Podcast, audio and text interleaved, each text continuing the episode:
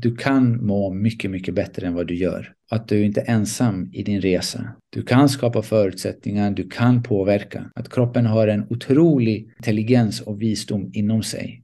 Och så länge du har god intention så är det bara en tidsfråga. Om du ser det här någonting som du kan lära dig av, vad, att du inte lever i samklang med naturen och i enlighet med din, din sanning. Istället att det här är någonting som ska fixas för att fortsätta beteende som inte, som inte tjänar din, din sanning. Så att utgångspunkten ska vara mer då sitt hjärta än sitt, sitt ego, sitt sinne. Och jag vet att ni kan. Jag vet, jag ser det varje dag. Och det, jag utgår just varenda gång jag träffar en kvinna med hormonbesvär så är jag övertygad att man kan göra någonting åt det. De blir helt symptomfria och vissa blir, de blir så pass mycket bättre att det inte kommer påverka deras liv negativt. Doktor Diamantis är tillbaka i PLC-podden och i det här avsnittet så snackar vi om hans nya bok Hormonell harmoni, den holistiska vägen till kvinnors hälsa. I denna boken så delar han med sig av sina tips och den visdomen som han har lärt sig av österländsk filosofi och den kinesiska medicinen. Och hur man kan helt enkelt ta tillbaka sin egen kraft över sin cykel och hur man kan få mer hormonell harmoni i sitt liv. Detta är just temat för denna gångens samtal med Diamantis och innan vi drar igång med det här intressanta avsnittet med Diamantis så vill jag be dig som lyssnar om en liten tjänst. Den här podden är ju helt gratis för alla att lyssna in på för att vi vill ju förändra Sveriges syn på hälsa och bringa andra perspektiv till ljus när det kommer till helhetshälsa.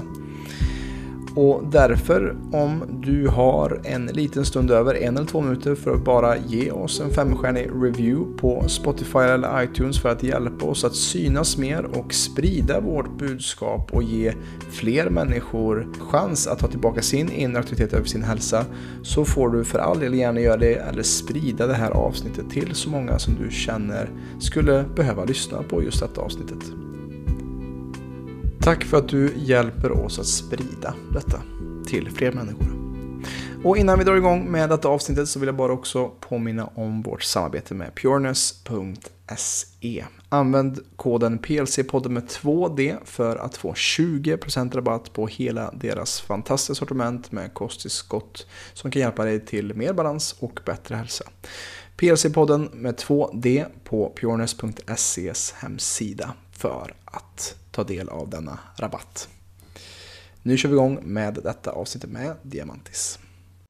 Hej och välkommen till PLC-podden, podden som förändrar Sveriges syn på hälsa med mig Robin Hallsten. Och idag eh, har jag den stora glädjen att eh, åter välkomna Dr. Diamantis till PLC-podden. Han var ju med i avsnitt 39 där vi snackade om hans eh, första bok. Nyckeln till din hälsa, självläkning med kinesisk medicin. Nu är han eh, bokaktuell med en ny bok, Hormonell harmoni. Eh, den holistiska vägen till kvinnors hälsa. Och det kommer vara lite det vi kommer snacka om i det här samtalet. Eh, välkommen tillbaka Diamantis. Tack så hemskt mycket Robin. Det är min glädje att få vara tillbaka igen. Ja, ja det, och sist så träffade vi faktiskt där du sitter idag, eh, där vi spelade in eh, ett avsnitt med Babak, eh, där vi snackade om hälsa från mer själsligt plan kan man säga. Och det var en, en otrolig konversation som jag verkligen stormtrivdes i och bara var i den energin ihop med er. Så att, tack för senast. Ja, tack själv. Eh, men jag tänker att idag så vill jag snacka lite om, om din nyaste bok här som kom för några månader sedan. Eh, just eh, som handlar om just hormonell harmoni. En, kvinna, eller en bok för kvinnor helt enkelt. Och jag tänkte att jag ska bara läsa lite från det sista kapitlet just den här som heter, jag tror det heter Visdomen inom dig. Det heter del fyra i den här boken. Ja. Eh, och där har jag skrivit, kvinnor är sanna skapare som har förmågan att bära och föda fram det vackraste i världen, nytt liv. I samma kapitel skriver du också att läka handlar inte om att inte uppleva rädsla, sorg och tvivel, utan om att inse att lycka är något som du får uppleva endast när du inkluderar och accepterar alla känslor och tankar i livet. Det handlar inte om att köpa det perfekta huset, ha det perfekta jobbet eller träffa den perfekta partnern. Det handlar om att upptäcka områden i livet där du får utrymme att växa, utforska och skapa. Mm. Och med det tänker jag att vi startar lite den här konversationen om den här boken och det här arbetet jag har gjort. Eh, tycker jag. Eh, för jag tyckte det var två bra punkter att, att lyfta och öppna med. Eh, precis som vi snackade om i vårt första avsnitt kring just hur vi kan mer, mer holistisk läkning eh, mer generellt för alla, men att det är mer för kvinnor. Mm. Eh, vad tänker du när jag säger de orden och den här starten på det här avsnittet? Det första som kommer till mig, det är just alla de kvinnor som kommer till mig försöker få och, och för att få hjälp med sina hormonrelaterade besvär. Många mm. gynekologiska. Och eh, det är lite så, så, som du just läste upp, att vi tror att svaret till en obalans, till en känsla att man känner sig ett fragment otillräcklig finns där ute. Mm. Och det är inget fel med att sträva efter något och försöka nå det målet. Men att vara väldigt tydlig med vart ifrån kommer den här önskan. Är det just för att vi tror att vi är otillräckliga? Är det därför, är det, är det rädslan som, som nästan göder vårt beteende? Eller kommer det från ren nyfikenhet och kommer det från kärlek och från mm. det, det kreativa inom oss? Och, och, jag ser just de här två aspekterna, för jag frågar väldigt många som, väldigt många är ju högpresterande, väldigt ambitiösa, och, och eh, jag frågar om presterar du praktiskt eller presterar du psykologiskt? Så den frågan eh, tycker jag är väldigt relevant. Eh, och det är väldigt man kan göra en väldigt enkel fråga. Man kan ställa den frågan sig själv. Just när man är i det här molnet av skapandet som även inkluderar väldigt mycket stress. Mm. Så presterar jag just nu psykologiskt eller presterar jag praktiskt? Jag tycker psykologiskt är då rädslan av att inte räcka till, rädslan att bli beskylld att man inte har gjort sitt arbete som man borde ha gjort. Rädslan för konflikter. Ehm, och allt det här egentligen pekar tillbaka till en syn som man har på sig själv. Man söker bekräftelse. Och länge hade jag själv trott att bekräftelsen egentligen, det söker vi för att fylla någon form av tomrum. Och jag tror att den platsen finns också.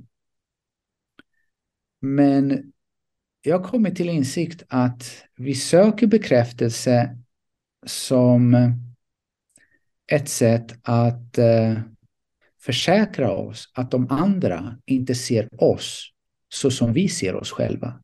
Mm. Och väldigt ofta ser vi inte oss själva väldigt positivt. Ofta ser vi oss själva som otillräckliga, egentligen inte kapabla. Och därav kan också den, det som kallas på, på engelska som imposter syndrome mm. kan ligga ja, som en skugga och, och, och, nästan viska i ditt öra. Är det bara en tillfällighet att du har hamnat där i livet där du är? Med tanke på eh, den yrkesroll du har, eh, din position i företaget, eh, alla saker som du har åstadkommit. Det är väldigt lätt att landa på, inte landa, men tro på den, eh, en inre röst som säger att det här kan tas ifrån dig när som helst, det här var bara en tillfällighet. Mm. Men att istället då vrida på det här och verkligen se okej, okay, vart kommer det här beteendet ifrån? För att det här är då, vi pratar egentligen om stress. Vad vi gör just nu är att vi kavlar ut och nyanserar vad det här samlingsbegreppet negativ psykologisk stress är för något. Mm.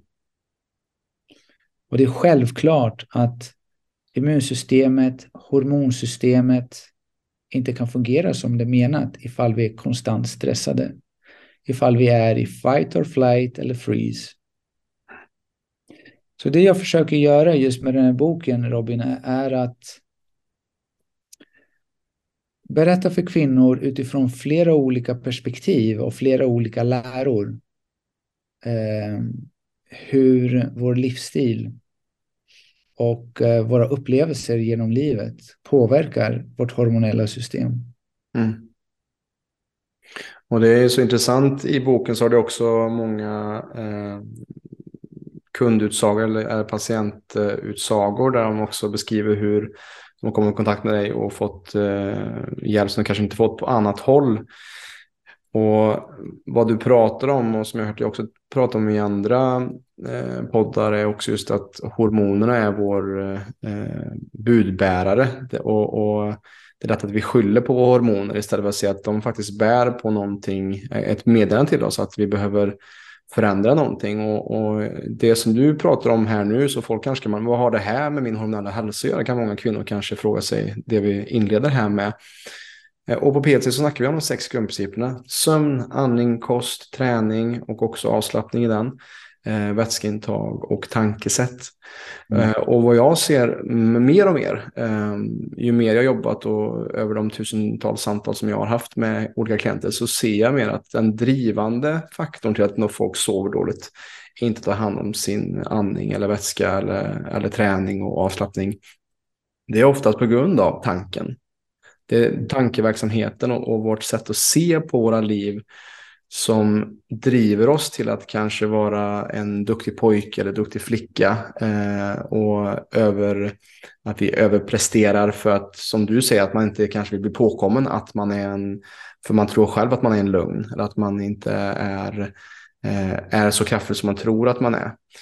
Eh, mm. Och det ser jag mer och mer att när man kommer till den, till den punkten, när man, när man går till djupet av vad är det som gör att du kompenserar ditt liv och stressar och på så sätt då eh, tullar på sömn och andra saker. Eh, så märker jag att när, när de kommer till den insikten, de klienterna, de kvinnorna som vi mestadels jobbar med, då märker jag också hur någonting slappnar av inom dem, vilket gör också att de börjar se sig själv i annat ljus och också ser sig själv eh, och, och ser hur viktig återhämtningen och avslappningen är.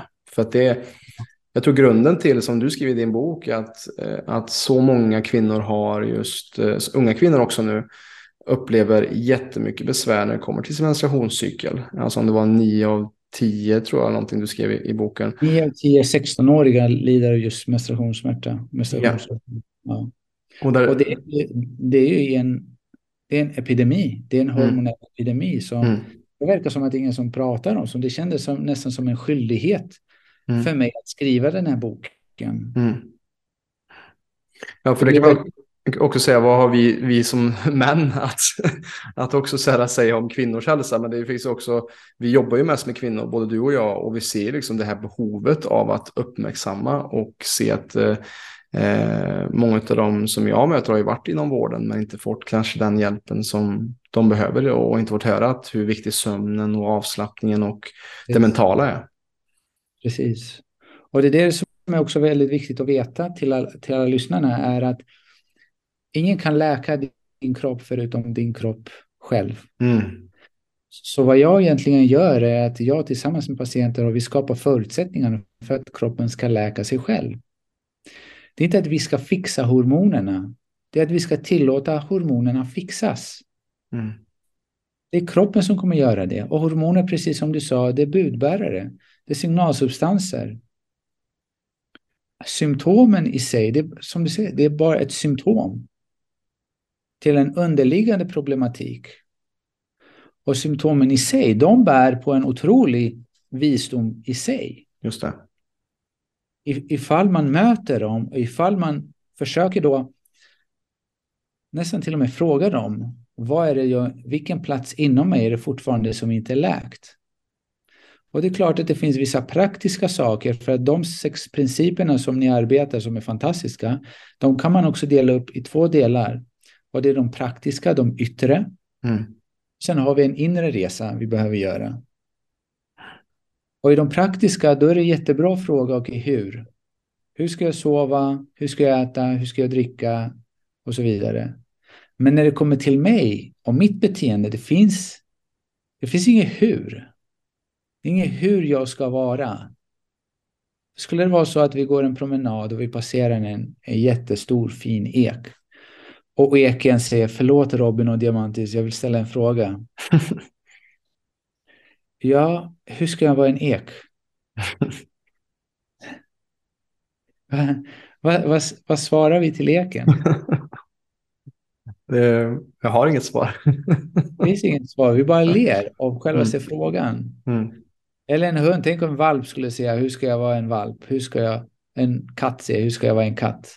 Det bara var dig själv, det finns inom dig. Mm. Men vad som händer är att de som kommer till mig jättefina ekar, men många beter sig som en tall. Mm. Så ekar växer inte där tallar växer. Och då börjar man förstå genom den här metaforen. Och då kommer väldigt naturligt med hur. Hur är en väldigt maskulin fråga. Den är utåtriktad. Och den är egentligen riktad till de praktiska sakerna. Men när det kommer till inåt, det finns inget hur. Det finns olika typer av nivåer även när vi säger okej, okay, mina tankar, hur ska jag tänka? Det är inte att vi tänker aktivt, vi kan inte när tankarna kommer till vårt medvetande, det är inte vi som har valt vilka som ska komma, men vi kan välja vilka vi ska fokusera på. Mm. Det är vårt val. Det är vår makt. Och det är en makt som alla har. Och ju mer jag fokuserar på positiva och konstruktiva, ju mer jag fokuserar på självkärlek, desto mer kommer vi börja eh, generera liknande tankar och liknande känslor. Ja. Så, så det är vad, vad allt det här gör samtidigt är att det höjer vårt medvetande. Det är så vi tar våra, vår hälsa i våra egna händer och vi skapar förutsättningarna för att kroppen ska läka sig själv. Med det sagt är det, vi skapar de praktiska förutsättningarna och sen slutar vi pilla. Mm. Det är för många som pillar för mycket, även när det kommer till det praktiska, nästan frenetiskt i var man ska äta. Och, och det blir nästan för mycket. Och det är auraring och det är appar och, och det är pulsklockor och det är eh, temperatur och så vidare. Och all den här teknologin är fantastisk. Men vad det gör också är att det, det distanserar oss själva från vår magkänsla och vår intuition.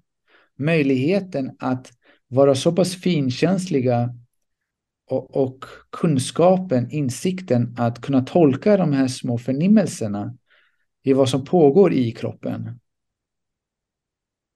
Och där, där önskar jag med hjälp av andningsövningar och meditation, vilket jag upp, eh, uppmanar alla kvinnor att göra en form av morgonrutin, det är att man blir mer och mer finkänslig. Där man kan känna av de här olika signalerna, förändringarna. För, för eh, kvinnokroppen är ju fantastisk. Mm. Den genomgår ju den 28 dagars cykel. Mannen har inte den 28 dagars cykeln. Nej. Vi har andra cykler. Men, men, kvinnan är unik i sig. Vad hon behöver, enligt kinesisk medicin, så, så är kvinnan i centrum. Mm. Medan västerländsk medicin är mannen och kvinnan är då en deviation från mannen. Mm. Så det finns otroligt stor visdom inom kinesisk medicin och synen på, på kvinnohälsan. Om man bara tänker att gynekologi fanns som en egen del inom kinesisk medicin när, när Sverige befann sig i, eh, i bronsåldern. Mm, det är rätt sjukt. Ja, det mm. skapar perspektiv. Att, Precis. Man förstår då att okay, det finns här någonting, de har samlat på sig någon form av kunskap och insikter. Mm. Och det som vi idag förklarar som östrogen och progesteron, det förklarades då som yin och yang. Mm. Och det är, man använder sig av metaforer till just det. Ja. Eller så kan vi se det på grund av yin och yang-energins växlande intensitet så kommer det också avspegla på hormonerna. Mm. Ja, precis, precis så. Det är två sidor av samma mynt. Exakt, och, det blir sådana här sex grundprinciper som jag har läst upp för dig också. Eller som jag sa, det är också tre som är yin, tre som är yang. Sömn, vätska och eh, kosten är yin och, och andningen, tankesätt och uh, träningen är yang. Och, och där, också, där kan man också säga, okej, okay, vad behöver jag mer av mitt liv? Är mm. jag utbränd, är jag stressad, då behöver jag mer åt sömn och, och vätska och, och näring som kyler mig. Eller behöver jag komma igång lite? Och där är de flesta inte kan jag säga, utan de som vi jobbar med. Men, men, men vad du också är inne på är det som är så otroligt viktigt. Och som jag säger också till alla som jag coachar och som lyssnar på podden också. Lyssna inte på ett ord vad vi säger utan pröva. Ta in det som sägs i de avsnitt som jag har. Stöt och blöt och hitta din egen väg. Det finns en anledning till att vi döpte vårt första avsnitt till den här podden till Hitta din inre auktoritet. För att det är det som så mycket saknas och så mycket visdom som går, eh, går bort eh, när vi lägger våra händer i teknologin. Och Aura-ringen har sagt att jag har sovit si och så och min pulsklocka säger si och så. Och nu ska jag, som vi har som en mat och sovklocka fast vi outsourcar helt enkelt vår egen inre auktoritet när kvinnor som jag ser också när jag har rört mig också mer i mer alternativa kretsar och kring mer spiritualistiska kretsar så också. Att jag ser också att kvinnor har mer finkänslighet och en starkare oftast intuition än vad jag har, eh, märker jag. Och att det är någonting som måste vårdas och hedras och eh, den där unika urkraften av att skapa liv, det är det som kvinnor sitter på, som, vi har, som de har i sitt mitten i sin livmoder. Um, och det tycker jag är så intressant uh, och, och, varför det är också väldigt hedrande att få hjälpa mestadels kvinnor att just hitta tillbaka till den här balansen i sig själva. Ja. Och i sitt, till, till sitt feminina epicentrum, att verkligen tillåta sig själva vara sig själva mm. och verkligen förstå den unika kompositionen av energi de är skapade av. Mm. Att inte det blir en form av nackdel, att det här är okej, okay, nu är det mens och det stör mitt liv. Yeah. Men egentligen det är en transformation och att man förstår den djupare, även då energiska och om vi använder ordet spirituella påverkan. Mm. Man kanske kan anpassa också sin kost och sin träning och sin, sy och, och sin sociala liv kring sin cykel också. Yeah. Där ser man att fler och fler som börjar göra det, de blir mer i synk också med månens cykel eftersom det är 28 dagar och 28 dagar. Och det är ingen tillfällighet. Mm. Så det finns otroligt mycket visdom, dels på ett fysiskt plan, på ett energiskt plan, på ett emotionellt plan. Och jag försöker gå igenom alla de här olika planen för att eh, beskriva och berätta just vad, vad de går igenom. Mm. Och, och där är jag så intresserad också, Diamantis, ditt perspektiv på, för att det är så många kvinnor där ute som lider av smärta och har problem med, med PMS eller med sin cykel. Um, men jag ser också att det finns en stor också budskap i smärta. Det finns en, det, man kan hitta en större mening i smärta också. Och hur ser du, vad, vad, vad, tror du har varit nyckeln för många kvinnor som du jobbar med? Eller vad ser du liksom när du jobbar med så många kvinnor också? Vad ser du är nyckeln till att kunna alkemisera den här smärtan och att använda den här kvinnliga urkraften till någonting mer positivt eller att där man kan skapa mindre smärta och kanske också sluta fred med den smärtan i sig själv och kanske må bättre? Jag skulle säga att smärta är nödvändig för förändring. Mm. Och speciellt när det kommer till emotionell smärta som är också en form av ihållande smärta man försöker att befria sig själv från. Den smärtan är egentligen det verktyget som kan, kommer leda dig till ett högre medvetande. På samma sätt en fysisk smärta, ifall du ser det utifrån ett rätt perspektiv och genom en rätt lins, kommer du inse att låt oss säga Moder Jord genom din kropp försöker tala, visa dig någonting mot ett bättre, en bättre typ av livsstil och, och påminna dig om att varje gång du inte talar och lever din sanning så kommer du få betala priset. Och det innefattar då ett beteendemönster som mycket möjligt kanske inte tjänar din hälsa. Så kvinnor som förstår det här förstår, är väldigt tacksamma till slut till alla de symptomen som de har haft. Mm. Och just som du berättar och, och, beskriver det så fint med att, att man ska alkemisera den smärta innebär då att man ska möta den och se okej, okay, vilket budskap har du? Vilken plats inom mig är det som fortfarande inte är läkt? På vilket sätt? Eh, var, vilken sanning är det fortfarande som jag inte uttrycker? Och på så sätt då befria sig själv från den emotionella smärtan eh, och till slut då med hjälp av ibland till och med utan behandling mm. befria sig själv från den smärtan. För kinesisk medicin säger så här, där det finns smärta finns det blockad. Och där det finns blockad finns det smärta. Den här blockaden kallar vi för stagnation, att det är någonting som har stagnerat. Och organet som då refereras till, det är alltid levern. Och levern inom kinesisk medicin, varje organ är då kopplat till olika typer av känslor och levern är kopplad till känslorna som ilska, irritation, frustration och stress. Mm. Och de fyra då känslorna eller sinnestillstånden, det är nästan vad alla, varenda kvinna går runt och bär på. Män också, men nu pratar vi om kvinnor. Och det bottnar någonstans i just den här känslan av att inte vara tillräcklig. Om man önskar eller tron att vi behöver bli någonting mera för att uppnå den här känslan av tillräcklighet, att vi ska bli kompletta. Men vi blir det endast ifall vi integrerar. Och för att integrera så behöver vi möta. Vi kan inte försöka fly ifrån. Nej. För att i grund och botten så skedde det en misstolkning. En misstolkning att inte jag är tillräcklig. Och den misstolkningen brukar då ske på grund av att vi inte fick den villkorslösa kärleken från våra föräldrar. Mm. Eller de primära vårdgivarna. Mm. Så med en inre resa, en esoterisk resa som jag beskriver i boken, både i den första och den andra, det har egentligen att göra att identifiera vilka, vilka känslor som finns där. De känslorna är då sekundära till vissa tron. Vilka tron om mig själv är det jag bär på?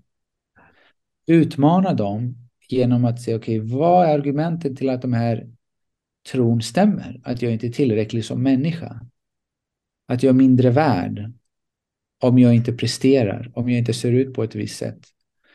Om inte jag hänger i en specifik umgängeskrets och så vidare. Och börja utmana dem och säga att det inte finns några argument.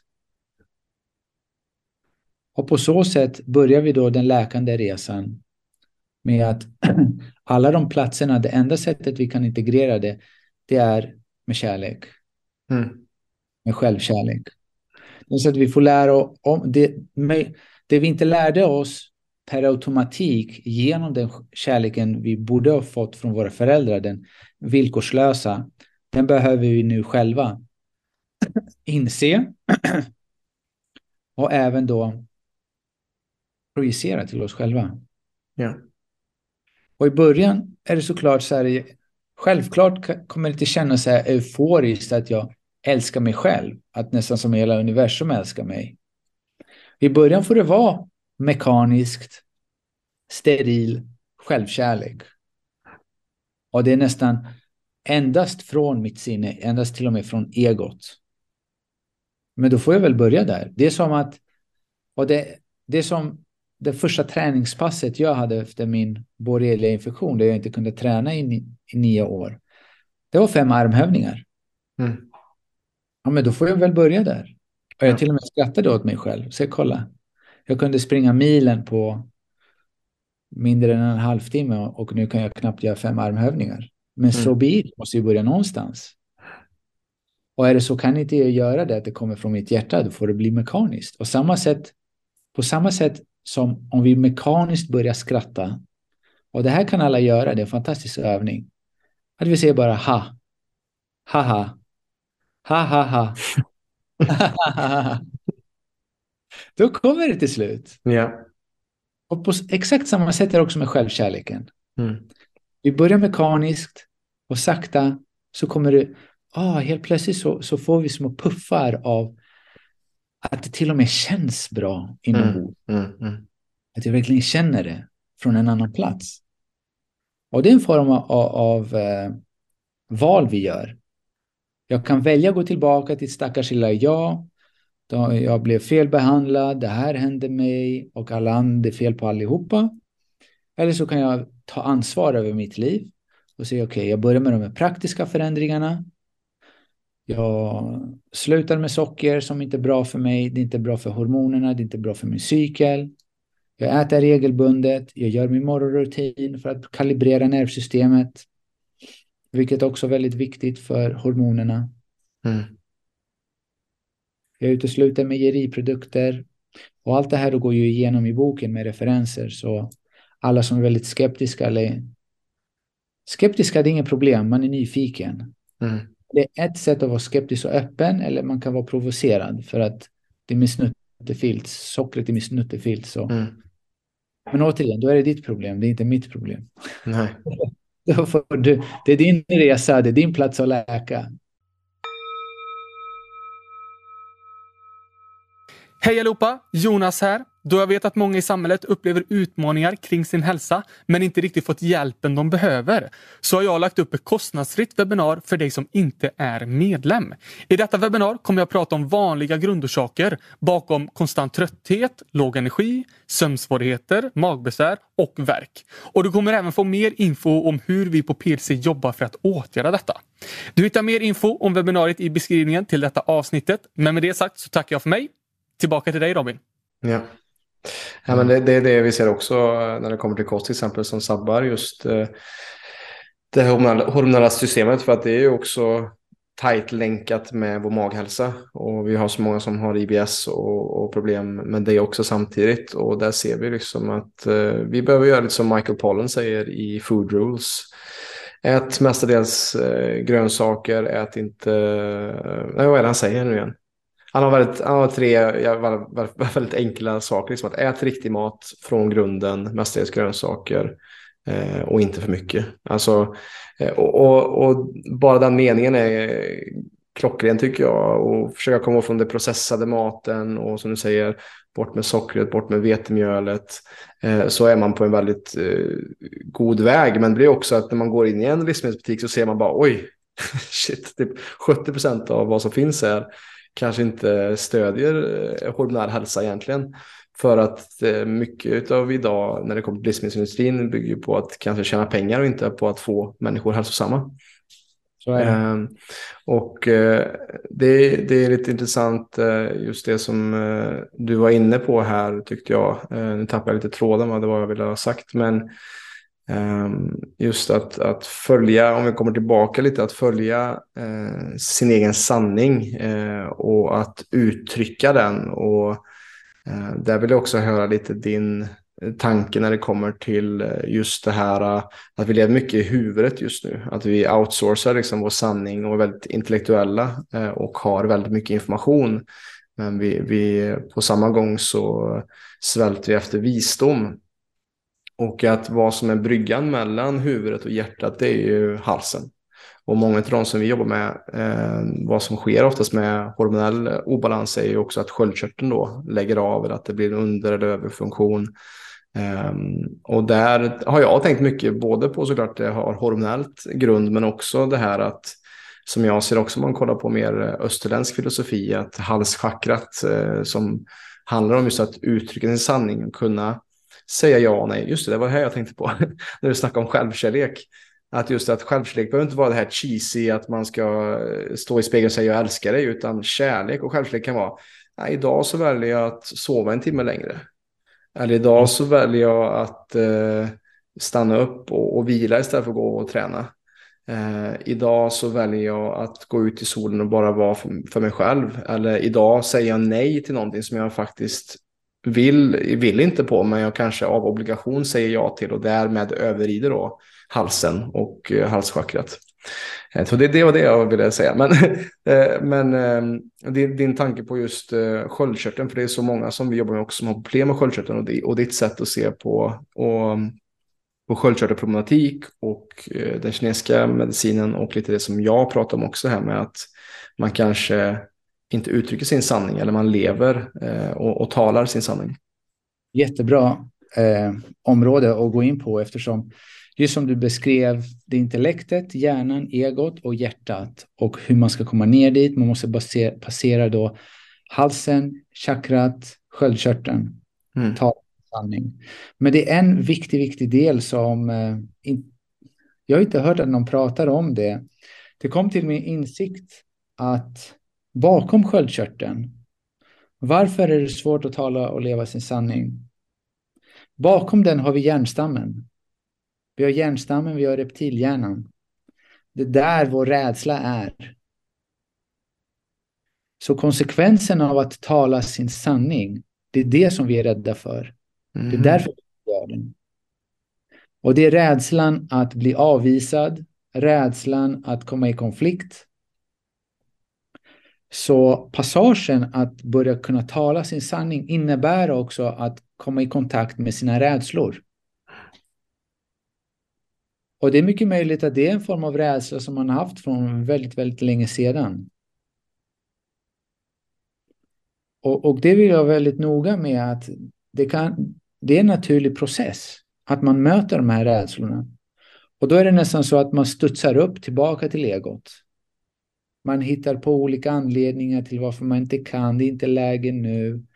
Det är så här, jag har ett barn, jag har ett jobb, jag har en jag har en katt. Det kan vara vad som helst. Det kan vara absurda anledningar till varför man inte ska göra sin egna inre resa. Mm. Skapa förutsättningarna. Och det är så lustigt för att när man hör patienten berätta till varför de inte kan. Eller det första som kommer ut ur deras mun att det är så svårt och det tar så lång tid och det är så krävande. Och det är så att man tittar dem i, i, i ögonen de är så övertygade på att det är så. Mm. Medan det egentligen är deras subjektiva verklighet som skapas. Egentligen som ett skyddsmekanik för att inte komma till de här platserna som, som är mest smärtsamma. Ja. Att komma i kontakt med just den här rädslan och de tron man har om sig själv. Mm. Men hur man än vrider och vänder på det så är det nödvändigt. Mm.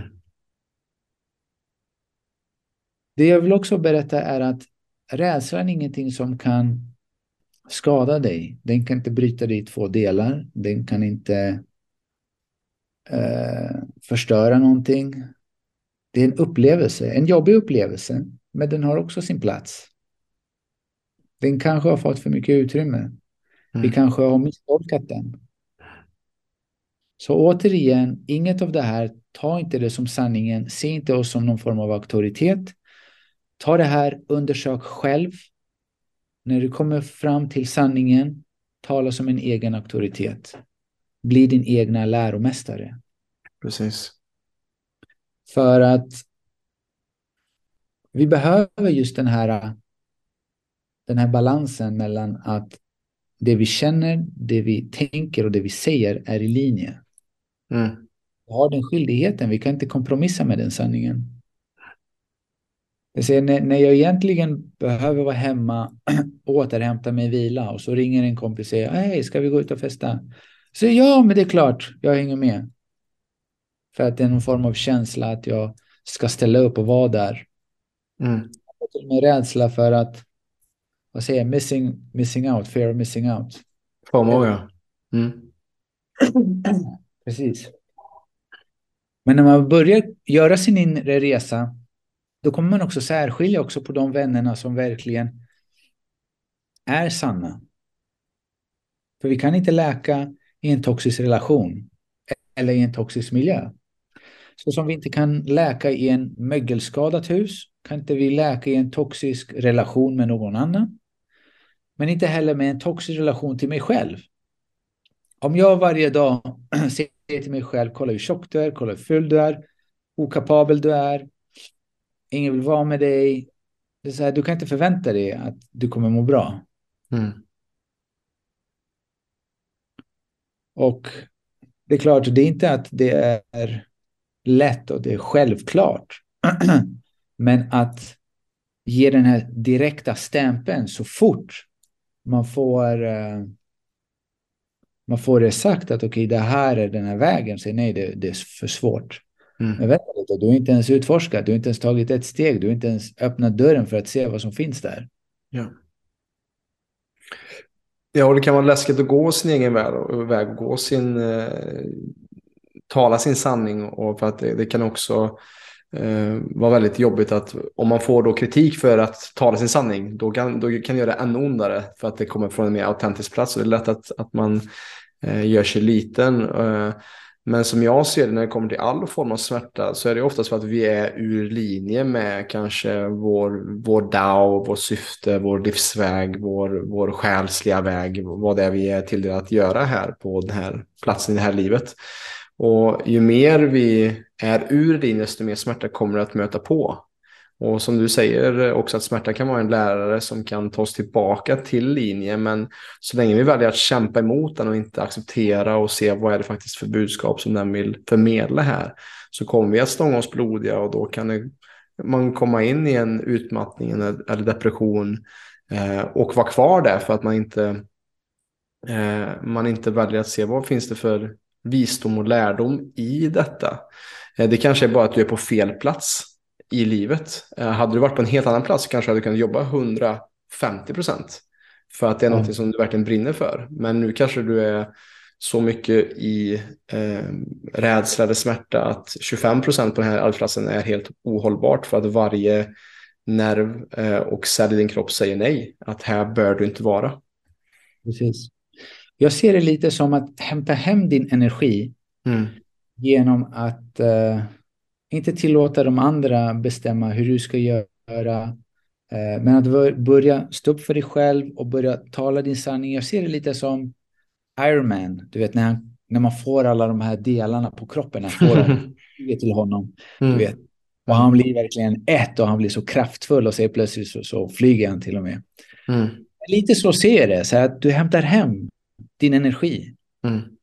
Du vaknar på morgonen och du börjar du börjar inte genom att ge bort den genom att fokusera på vad som fattas i ditt liv i tron om att det är det som kommer göra dig komplett. Så alla de här små delarna kan då påverka för att just nervsystemet ska vara i balans och därefter då hormonsystemet, man gör bättre val, mm.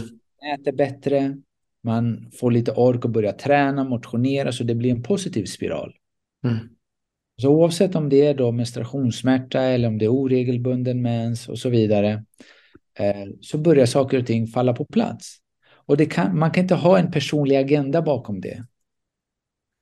Det kan inte vara så att okej, okay, jag identifierar mig själv som en ultramaraton eller jag ska löper för mycket och äter för lite. Men det är klart det kommer påverka dina hormoner. Mm. För att man har vision på hur man ska se ut eller så vidare. Ja.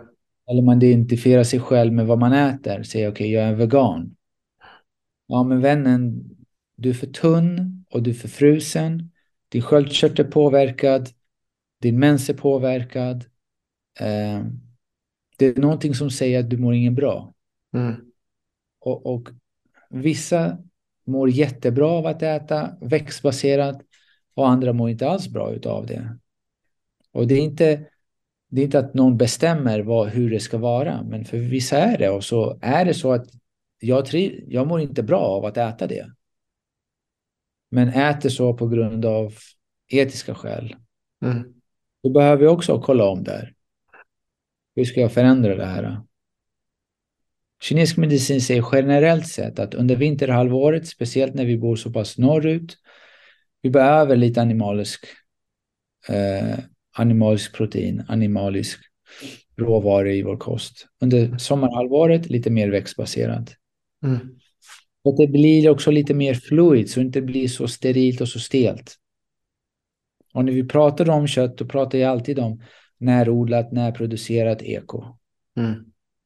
Men inte eldorados kyckling. Nej, precis. Sorry eldorado. Nej, men jag kan bara instämma att jag själv var vegetarian och nästan vegan faktiskt i eh, nästan två år. Hemmavegan kallar jag mig själv. Och, eh, och enda sättet att ta reda på saker och ting det är att pröva. Eh, och det gjorde jag och, och jag har insett att eh, det var inte rätt väg för mig. Eh, och det märker vi också att eh, det är lätt att man går in i en ism Eh, istället för att lyssna på vad faktiskt behöver jag. Att man hoppar på vad som är trendigt istället för att, eller man köper den Aura-ringen, när man köper det här nyaste för att alla andra gör det. Alla, men hur mår faktiskt jag kring detta och, och, hur kan vi, som vi snackat om här, hur kan jag komma tillbaka till att börja lyssna på mig själv mer innerligt och verkligen känna efter, ska jag verkligen följa detta eller ska jag gå min egen väg genom det här? Så det är jätteviktigt just med det här känslosam, känslomässiga och varför jag, vi pratar just om det väldigt mycket idag och skrivit väldigt mycket om det i boken. Det är just som jag sa, att de här känslorna av irritation, frustration, stress, det skapar en form av stagnation. Mm. Och den här stagnationen då förhindrar mensen som behöver ha en form av flöde. Mm. när vi behandlar den inom kinesisk medicin med örter eller akupunktur just för att det flödet ska återställa sig. Då, då innefattar det också vissa punkter som gör då att hormonerna hamnar i balans. Helt plötsligt så känner man sig inte lika stressad. Så det finns den vägen att gå också. Men det jag vill säga är att man, det är väldigt mycket man kan göra själv. Yeah. Man är inte direkt beroende av just akupunktur eh, eller örter. Och tusen gånger om att man börjar göra själv arbetet, då kommer man också behöva mindre hjälp av mig eller någon annan som jobbar på det här sättet. Precis. Ja, som jag ser... Ja, fortsätt. fortsätt. Jag vill bara tillägga också mm. att medicin ser det här som ett kontinuum. Och vi fortsätter på det här spåret av stagnation och menstruationssmärta. Mm. Så ser man också att ifall grundorsaken till då menstruationssmärtan inte tas om hand, om man inte börjar behandla den, då kan det bli mer och mer allvarligt och till slut så får man en diagnos som kanske är då endometrios. Mm. Vilket är också otroligt tragiskt att en kvinna idag i Sverige behöver gå runt med endometrios i upp till 7-8 år för att få rätt diagnos. Mm. Och jag uppmanar alla att gå till då vården, få hjälp, bli undersökta. Men något som gör mig väldigt ledsen är också att de här kvinnorna lär sig från väldigt tidig ålder att det är normalt att ha mens. Och det mentaliteten är mer så här, suck it up och kör på. Mm. Och kvinnan idag lär sig från väldigt tidig ålder att självcensurera sig själv. Mm. Där vill jag bara stanna, du sa normalt att ha mens, det är det ju. Men, men normalt att ha smärta vid mens, menar du eller? Precis, att det inte är normalt att ha. Precis, så, ja, ja man ska just det. Obehag. Just det. Obehag är naturligt, man vet mensen är där, det är något som mm. händer. Men det, det, ska inte påverka din livskvalitet. Mm. Du behöver stanna hemma från skolan eller, eller sjukanmäla dig. Mm. Och det är klart, alla typer av verktyg i form av smärtstillande, de är ju där och då och spelar sin roll. Men, men att ta bort mensen helt är i min värld väldigt radikalt. Trots att hos vissa med just väldigt jobbig endometrios behöver göra det medan vi jobbar och, och skapa en form av flöde, balans i kroppen för att sedan kunna sluta just med preventivmedlet och eh, uppleva att eh, det, det gör inte så ont längre. Och det här är inte bara subjektiva berättelser eller patientfall som jag har med i boken, men det är ultraljudsdiagnostiserat. Där de har varit innan och efter. Mm. Patientfallen är just då att endometriet har migrerat tillbaka. Och, och att då läkaren säger då att jag, jag kan inte se att endometriet finns där så som mm. det fanns förut. Mm. Och samma sak med cystor. Att cystorna försvinner efteråt. Och det är inte så heller att det är det här är något recept för allihopa. Det är inte att, jag, att det är jag som gör det. Det är ett samspel just med patienten. För återigen, det är bara kroppen som kan läka sig själv. Vad den behöver är förutsättningarna. Mm. Ja men precis och det, är som vi alltid säger också att uh, i det jobbet vi gör att vi kan bara möta en klient halvvägs. Alltså vi kan bara, vi kan ge verktyg, vi kan ge vår eh, åsikt och syn på saker och ting men det gäller också att man är eh, receptiv och, och vill framförallt göra jobbet själv. Eh, att man vill gå den vägen ihop och man vill läka. Att eh, eh, som du så vackert sa förut, att, att lyssna inte på oss och, utan gå. Du kan också hitta din läkning själv. Du behöver inte oss egentligen. Eh, vi kan peka på saker att kolla på kanske. Men samma där, jag är en man. Jag, jag vet inte hur, hur det är att ha en menscykel. Jag vet inte hur det är och jag skulle aldrig kunna sätta mig in i det. Eh, jag kan läsa hur mycket böcker som helst, men det är samma om jag skulle läsa böcker om sex. Det, det lär mig inte om hur det faktiskt är att ha sex på riktigt eh, när, man, när man gör det, själva akten. Eh, men, men jag kan lära mig av personer som dig, jag kan läsa böcker om det för att få hyfsad visdom och kunskap kring det. Men, men sen så kan jag inte har jag inte läkt den smärtan själv, kan jag kan inte vara med om det själv på det sättet. Som, som de kvinnor jag jobbar med. Exakt, men verkligen så är det.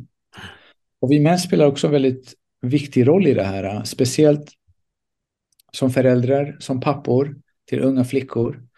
Det, det mönstret jag ser är att många som kommer hit med just emotionella besvär som ligger till grund och botten är just att man hade en frånvarig pappa, kanske dominant, som hade det svårt att verkligen ge den här villkorslösa kärleken mm. till, sin, till sina söner också. Men just nu pratar vi om just eh, kvinnan. Mm. Så vi bär ett väldigt stort ansvar.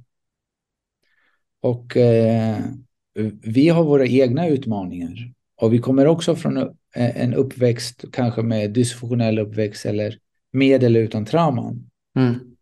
Och det gäller väldigt ofta också att göra vårt jobb parallellt samtidigt som vi försöker vara där. Det viktiga för oss är just i vår egna inre resa just att befria oss själva från just den här skulden, skammen som väldigt ofta driver vårt beteende. Vi behöver hitta en form av eh, först självkärlek till, till oss själva, men också påminna, vi, männen är mer yang i sin natur och vi behöver ett syfte. Vi behöver ett syfte och vi behöver få utlopp just för det här äh, kanske lilla rastlösa. Mm. Och det här rastlösa tror jag att det finns där just på grund av att vi inte riktigt har hittat hem till, till någon form av aktivitet som verkligen fyller oss och vi känner oss mer kompletta i, i den aspekten. Eh, så återigen till alla pappor som lyssnar på det här. Eh, vi är otroligt viktiga. Vi är det. Och det är inte så här, äh, låt det vara. Men det är verkligen, våra döttrar behöver vår villkorslösa kärlek. De behöver bli sedda, de behöver, behöver bli hörda. Så ta bort telefonen, ta bort allt som distraherar dig medan du är med, med dina barn. Mm. Och hur, hur är Diamantis, när vi är ändå inne på det ämnet, hur, hur stöttar du till exempel din, din partner och eh, i hennes cykel och i, i det som vi pratar om här nu? Vad, hur, hur gör du det själv praktiskt i ditt liv? Mm. Kommunikation är nummer ett. Och det är, skulle jag säga, att, att vi förstår vad de går igenom. Mm. Och det är det smärta, är det PMS, eh, hur uttrycker du dig just hos dem? Och att det är alltid tro på vad din partner säger.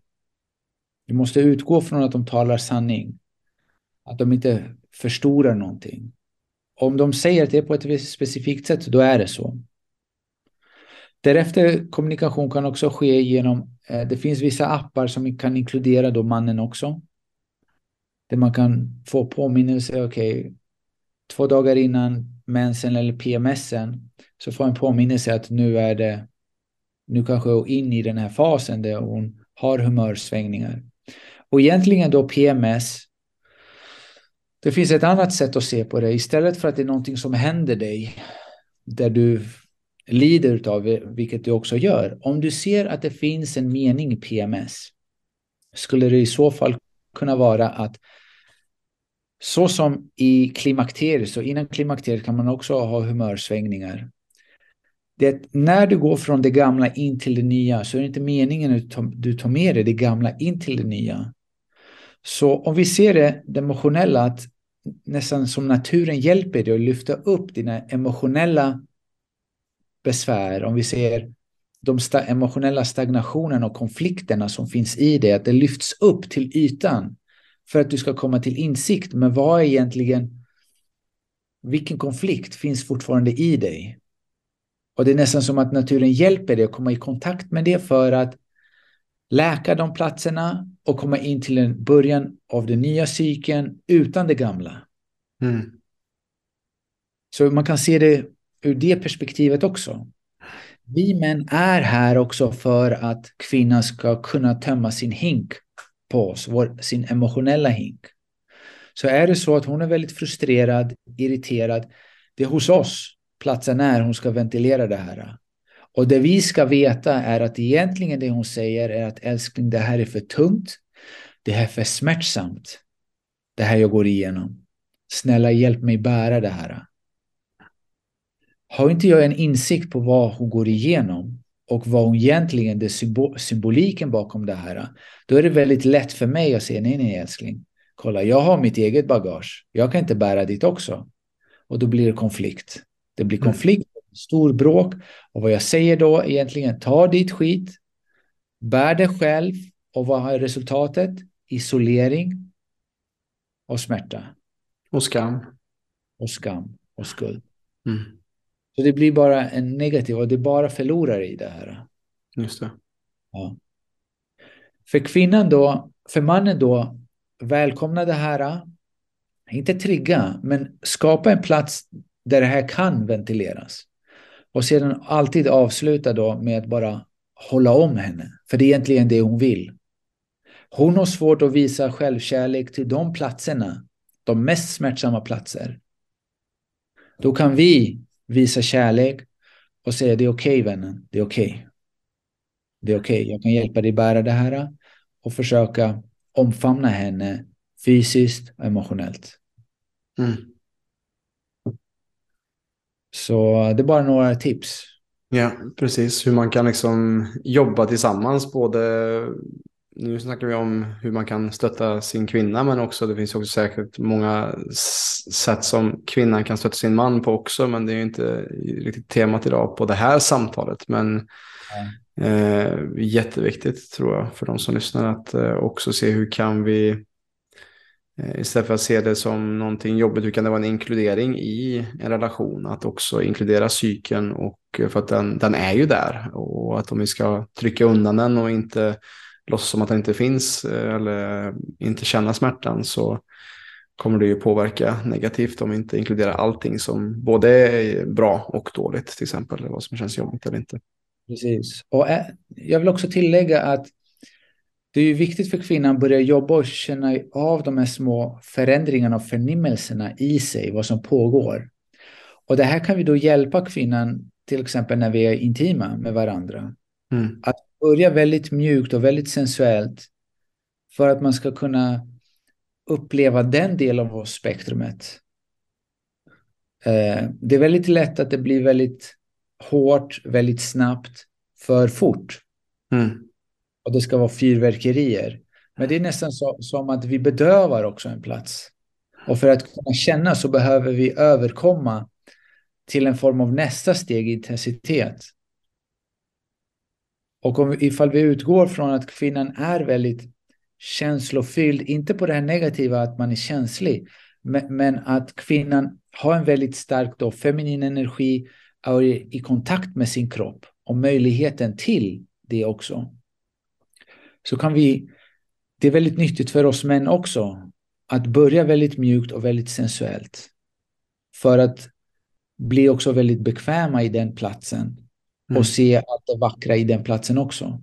Mm. Precis. Ja, det är intressant alltså.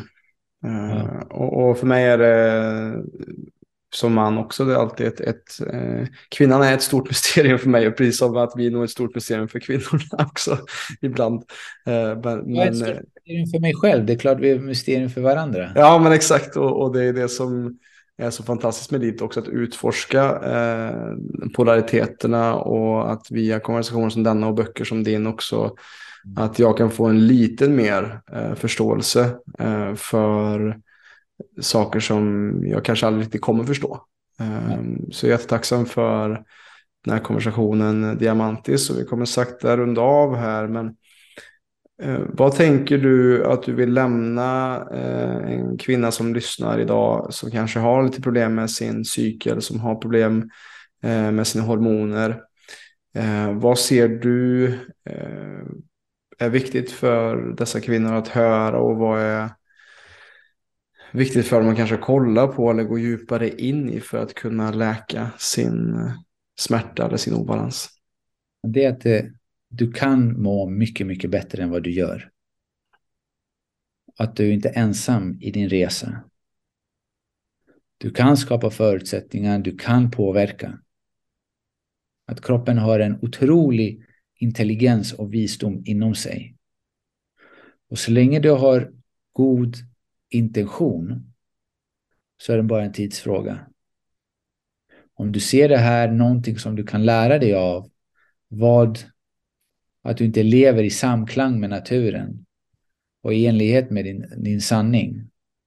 Istället att det här är någonting som ska fixas för att fortsätta beteende som inte, som inte tjänar din, din sanning. Mm. Så att utgångspunkten ska vara mer då sitt hjärta än sitt, sitt ego, sitt sinne. Och jag vet att ni kan. jag vet, jag ser det varje dag. Mm. Jättefina mejl också. Mm. mm. Och det, jag utgår just varenda gång jag träffar en, en kvinna med hormonbesvär så är jag övertygad att man kan göra någonting åt det. Mm. De blir helt symptomfria och vissa blir de blir så pass mycket bättre att det inte kommer påverka deras liv negativt. Mm. Fantastiskt. Och, och, och ge här inte upp. Alltså om du har smärta och du kanske inte fått. För vi, jag möter på så många som. Eh, det behöver inte bara vara hormonell eh, smärta. Utan också annan smärta som man upplever som har varit i kontakt med vården. Och kanske inte bara hittat, eh, träffat rätt läkare. Eller man fått höra att det här går inte att fixa. Eller att det är kroniskt. Eller vad det nu kan vara. Att Eh, Eh, det kanske bara vi inte har kollat djupt nog. Eller vi kanske inte har gått in till grunden av problemet. Och att eh, ge inte upp eh, om, om du som lyssnar, oavsett om du är man eller kvinna, har smärta. Att utforska den smärtan och försöka hitta människor eh, som kan guida dig till att, att komma mer i kontakt i vad du behöver. Eller se om du kan hitta den här eh, inre visdomen själv. Eh, och göra din egen research och, och ge inte upp helt enkelt. Det är väl det jag vill också lämna våra lyssnare med här idag. Och låt inte någon annans åsikt bli din verklighet. Just det. Låt inte någons, oavsett vad de har för titel, vad de bär för rock, låt inte det bli deras verklighet. Exakt. Därför just i boken går igenom det teoretiskt, det finns jättemycket övningar, det finns tips på vissa tillskott, det finns tips på vilka örter som du kan beställa, just för att hjälpa dig själv. Mm. Precis. Och precis som du säger där, att du behöver inte lyssna på oss. Du kan kanske tycka att vi bara svamlat här i en timme om, eh, om kvinnors hälsa och, och kanske tänka att, ja, men vad vet de? Och det, det är helt fine. Det, det är, bara, det är helt okej. Okay. Vi behöver inte övertyga dig om att vi har rätt eller inte. Vi har bara riffat på din bok här och det som vi ser och det som vi jobbar med. Eh, och det behöver inte vara att det är din, din väg. Eh, och det är helt okej okay och, och, jag välsignar dig, du som lyssnar som har orkat lyssna i så fall och kanske blivit provocerad och kanske lyssnat hela vägen hit. Eh, men förmodligen inte. men i alla fall så jag kan starkt rekommendera själv i alla fall att mig mer kunskap om just psyken. Eh, Dr. Diamantis bok Hormonell harmoni, den holistiska vägen till kvinnors hälsa. Eh, det är bara att eh, googla på den så kommer ni hitta den vart ni kan klicka hem den helt enkelt. Eh, stort tack för din tid här idag Diamantis. Eh, ett sant nöje att eh, få ha ännu en konversation med dig. Och har du som lyssnat tyckt att detta varit intressant, spännande, någonting du tar med dig, någonting som kanske vill dela till en annan medsyster, till din mamma eller dotter, för all del dela med dig av det här avsnittet så att vi med stadig, rask takt kan förändra Sveriges syn på hälsa. Tack för idag Diamantis. Tack Robin. Stort tack för att du har lyssnat på detta avsnittet av PLC-podden. Om du som lyssnare är intresserad av att få bättre balans på din kropp och hälsa så kan du gå in på www.plclub.se. Där kan du göra en gratis hälsoundersökning och läsa mer om hur vi hjälper människor på ett holistiskt sätt att skapa mer energi, få igång förbränningen och minska verk. Alltså www.plclub.se. Vi finns även på Instagram, YouTube, Spotify och Facebook at Premium Lifestyle Club om du vill ta del av mer gratis material. Stort tack för din tid här med oss.